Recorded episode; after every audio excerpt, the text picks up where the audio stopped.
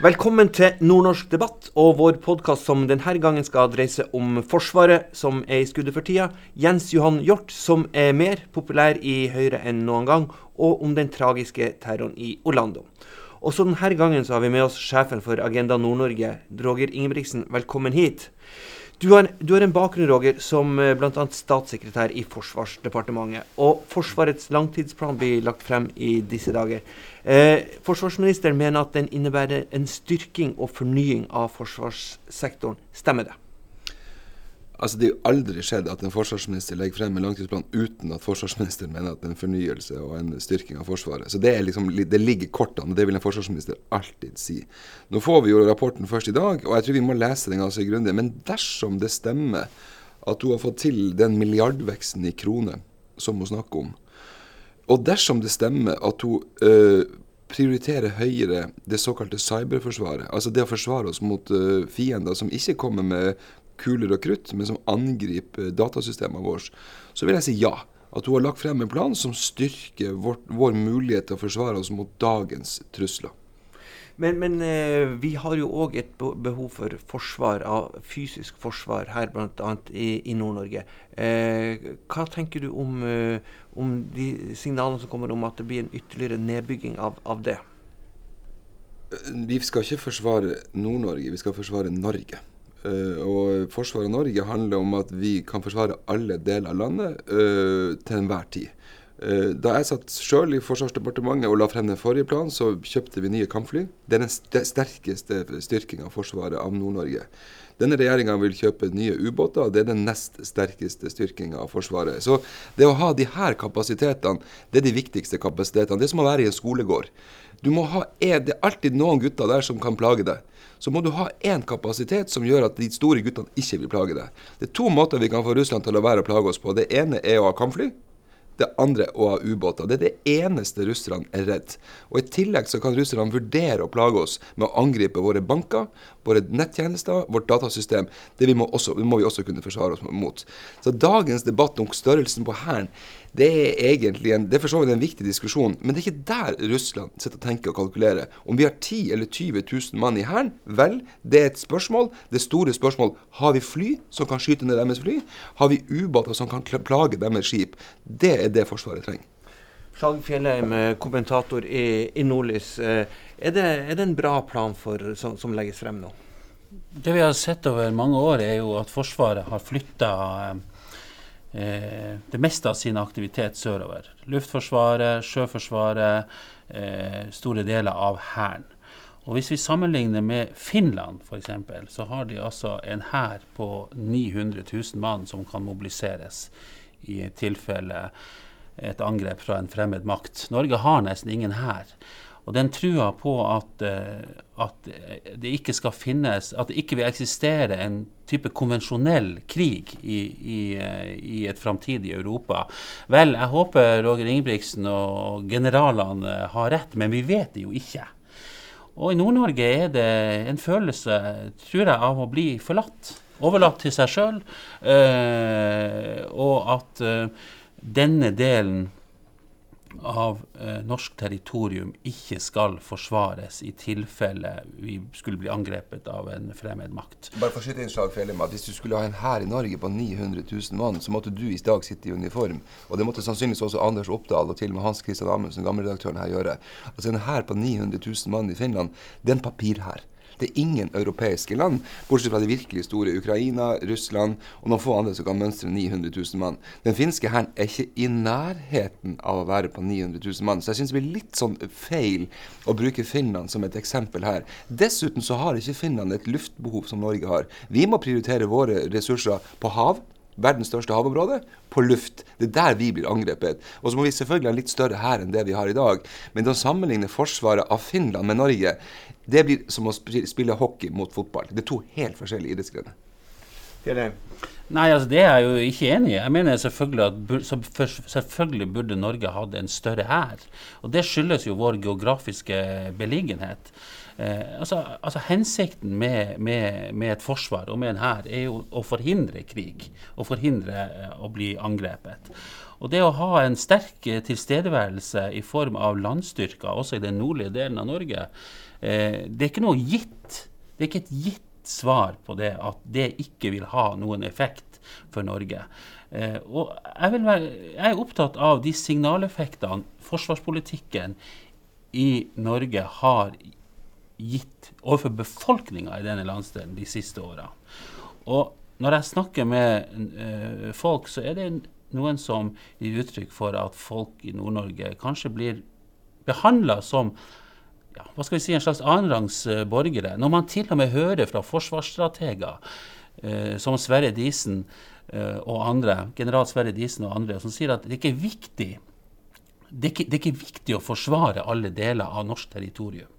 Så det er klart at det vekker oppsikt i Nord-Norge. Og det er et signal som nordlendingene eh, synes er merkelig. Tone Jensen, og kommentator i Nordlys. Er vi i nord annenrangs borgere? Nei, det er vi jo ikke. Men uh, når man ser de lange linjene, så ser det jo unektelig ut som altså, at man flytter seg. Forsvaret trekker lenger sør. Og det starta jo kanskje på mange måter med flyttinga av kampflybasen fra Bodø til Ørland. Og det har vi da fått erstatta med altså, såkalt framskutt uh, flybase på Evenes, men det er to fly. Uh, Andøya skal legges ned, og i det hele tatt det, det er en um, og Det er litt sånn paradoksalt, det, da, i forhold til de store ressursene som er her, her oppe.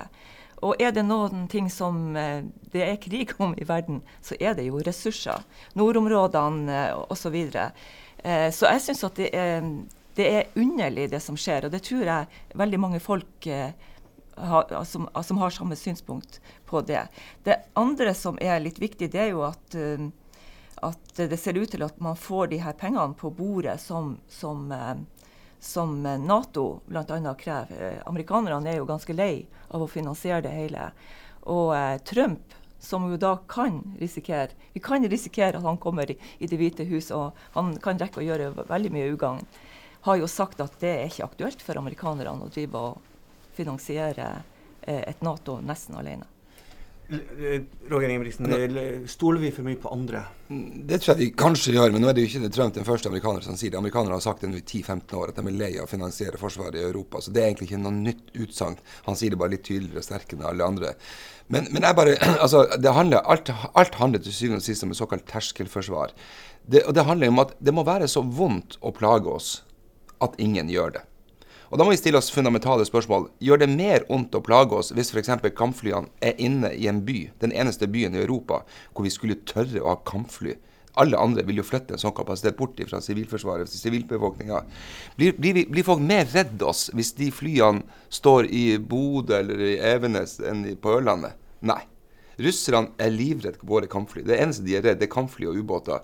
Det handler ikke om hvor de kapasitetene står, men at de finnes, og at vi kan øve med de kapasitetene. Så vi flytta jo den forrige regjeringa den kampflybasen til Ørlandet fordi det er verdens beste base. Det er ingen plass du kan øve bedre. Det er et åpent luftområde ut, og du slipper å vekke folk om morgenen, sånn, som vi måtte gjøre i Bodø, med kampflyaktivitet i lufta. Så jeg skjønner at folk syns det er dumt at kapasiteter flyttes bort geografisk fra Nord-Norge. Det må vi være kritisk til. Men det er ikke der krigen avgjøres, hvor kapasitetene står, men at de finnes og er sterke i tilfelle en krig. Så kommer en plan i dag. Hvis det er ytterligere flytting Jeg er helt enig at hvis man flytter mer sjøforsvar ut av Nord-Norge, så må landsdelen reise seg opp og protestere høylytt. Og Jeg er også enig med Charles Film at vi trenger en hær, men vi kan aldri få den type hær vi hadde når du var på 20 år gammel. Den hæren finnes ikke lenger. Det er bare USA og Russland som har sånne store hærer. De den, den tida er over. Nå må vi forsvare oss mot dagens trusler. Og den største trusselen er at vi i natt, mens vi sov, ble vi angrepet av kinesere, russere og andre som vil ta våre datasystemer. Det koster mange milliarder å forsvare oss mot det. Det er et forsvar som ikke synes, det har ingen brigader, men det er det forsvaret vi virkelig trenger i fremtida. Vi lar det være siste ord i den debatten. Vi skal videre på et litt beslekta område, nemlig, nemlig, terror. De siste årene har terroren økt, eh, og det siste anslaget var mot homofile og lesbiske i Orlando i Florida. Tone, eh, kan det her si noe om muslimene sitt syn på homofile? Eh, ja, det kan det definitivt. Og alle som sier at dette ikke har, har noe med religion å gjøre, det, det mener jeg de mener jeg tar feil, for det har definitivt med religion å gjøre. Og eh, vi ser jo at eh, i, eh, i, verden så er det jeg tror det er 79 land som har straffesanksjoner mot eh, homofile, hvor det, det, er straffbart å, å, være homofil. Og blant de landene er det syv land som har dødsstraff for homofili. Alle de sju landene er muslimske land. De befinner seg i Midtøsten og i Afrika. Så um, det er Og det er helt, helt åpenbart uh, når man ser på hvordan ortodokse muslimer Nå snakker vi om de ortodokse muslimene. Eh, hvordan de uttrykker seg når det gjelder homofile. Det er mennesker som ikke er, står spesielt høyt i verdi. Du frykter ikke at du nå uh, Tone, er med på å hausse opp en, en uh, slags uh, stemning mot muslimer? Det er jo mange moderate muslimer som, som, som, har et helt annet syn enn det, det, det du tilkjennegir. Ja, det, ja, selvfølgelig er det det. Men det, det, er jo ikke de som er problemet. Problemet her er jo de eh, ortodokse som har et uttalt mål om å bekjempe eh, homofile mennesker. Hvorfor er det sånn, eh, Skjalg Fjellheim? Eh, altså, hvis vi tenker på muslimhatet i, eh, Unnskyld, homohatet i den muslimske verden, så er jo det en, en, ikke, ingen ny sak. Og Det handler jo om at um, dette er forankra i islamsk uh, religion, religion. ikke sant? Det er ikke til å komme forbi. Og uh, Når man også ser på reaksjonene på sosiale medier i den arabiske verden etter det som skjedde i Orlando, så er det jo helt åpenbart for alle at at uh, mange muslimske land og den arabiske verden har en stor jobb å gjøre når det gjelder å ta et oppgjør med fordommer og intoleranse, også når det gjelder homofile. Uh, når det gjelder Norge, så vet vi at det foregår også her at, uh, at det i enkelte deler av det muslimske miljøet forkynnes holdninger i forhold til homofile som, som, ikke er bra. Og Jeg tror bare det finnes et svar på det fra vår side i, i Norge og norske myndigheter, og det er å kutte all uh, statsstøtte til, til religion og trossamfunn.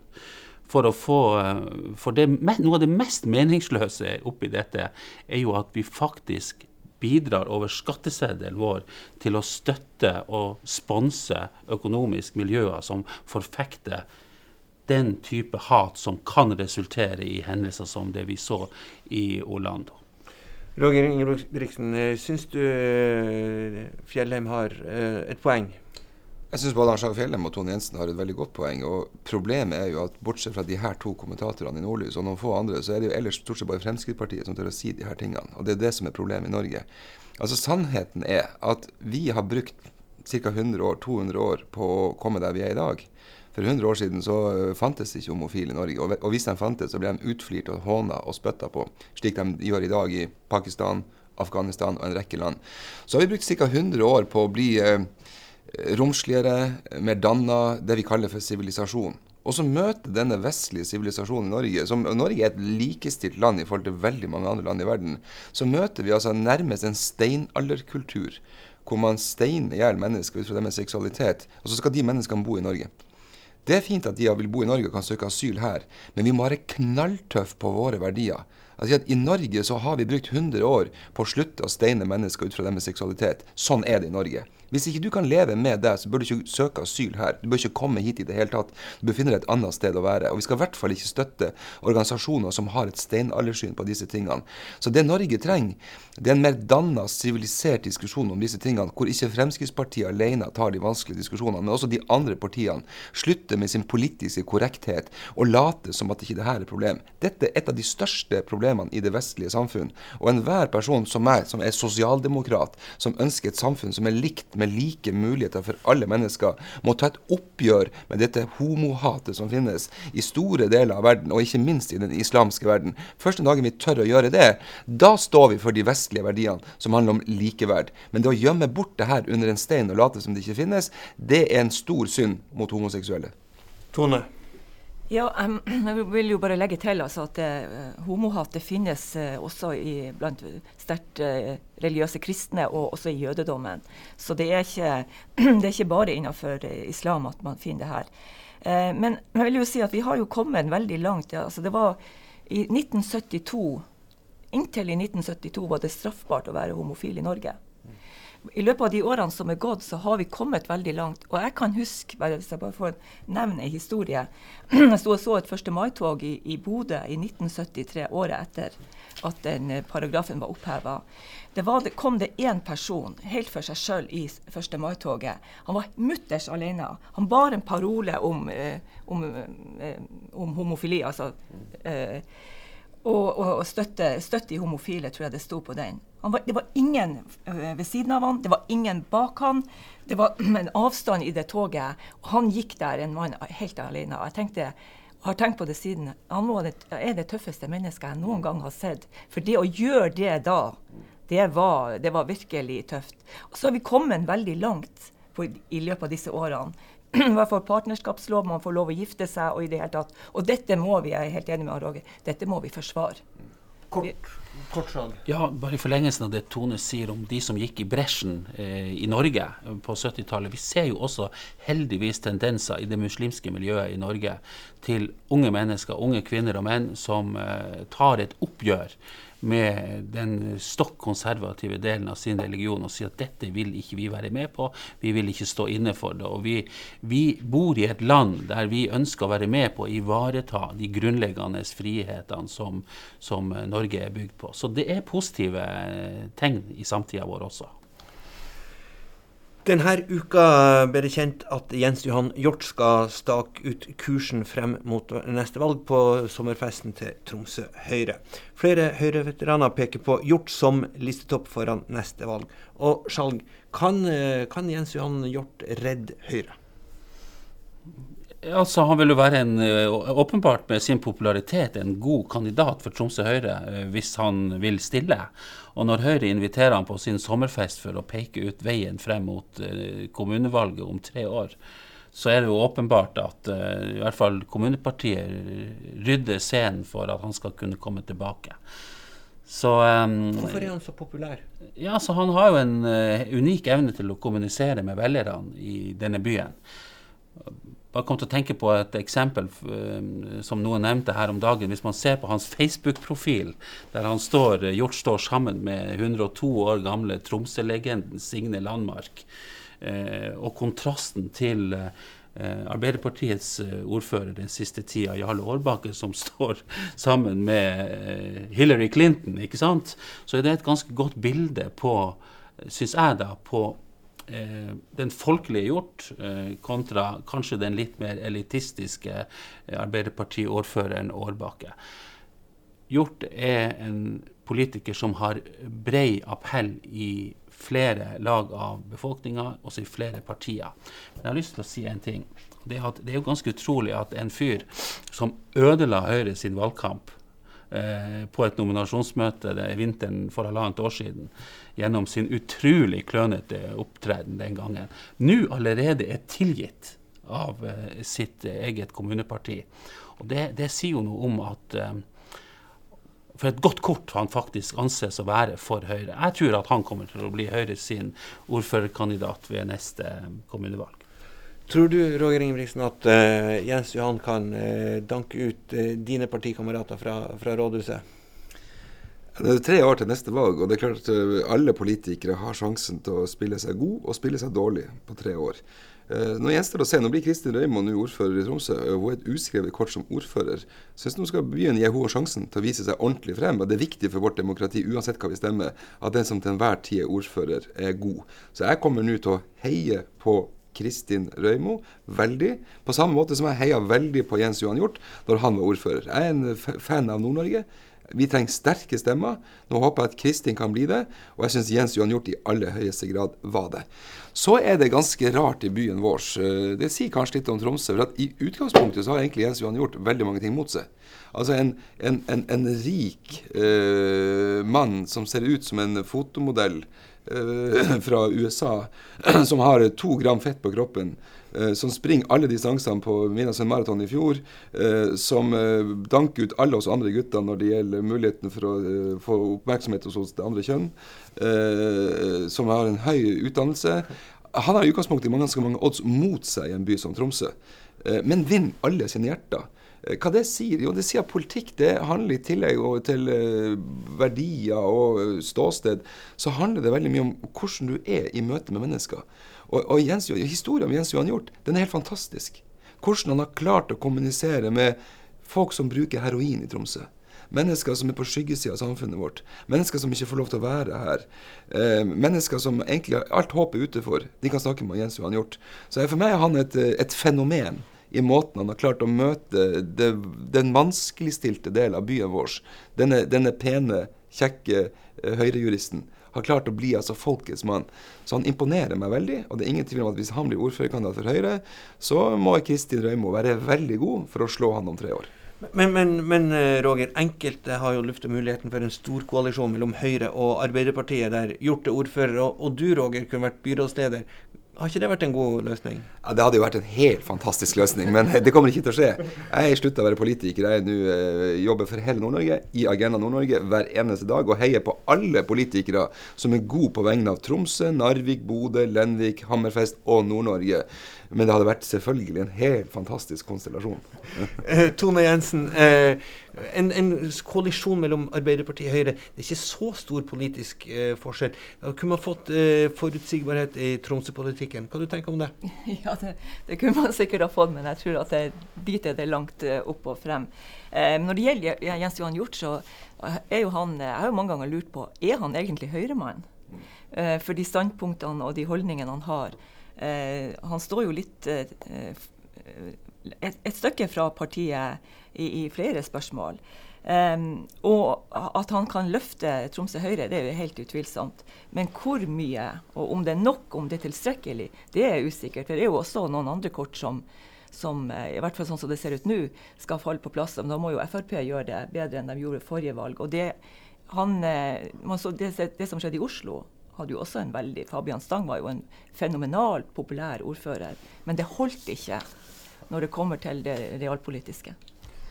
Ja, det er jo uh, også et spørsmål om, um, om Hjort vil kunne fungere igjen når Tromsø nå går tilbake til formannskapsmodellen. Han fungerte jo veldig godt i en parlamentarisk modell der uh, han kunne ha en slags sånn borgermesterrolle og være mer eller mindre selv om det er helt rett som Tone sier at han hadde en, en, del standpunkter som var divergerende fra Høyre, så var han også upolitisk i, i, i formen. ikke sant?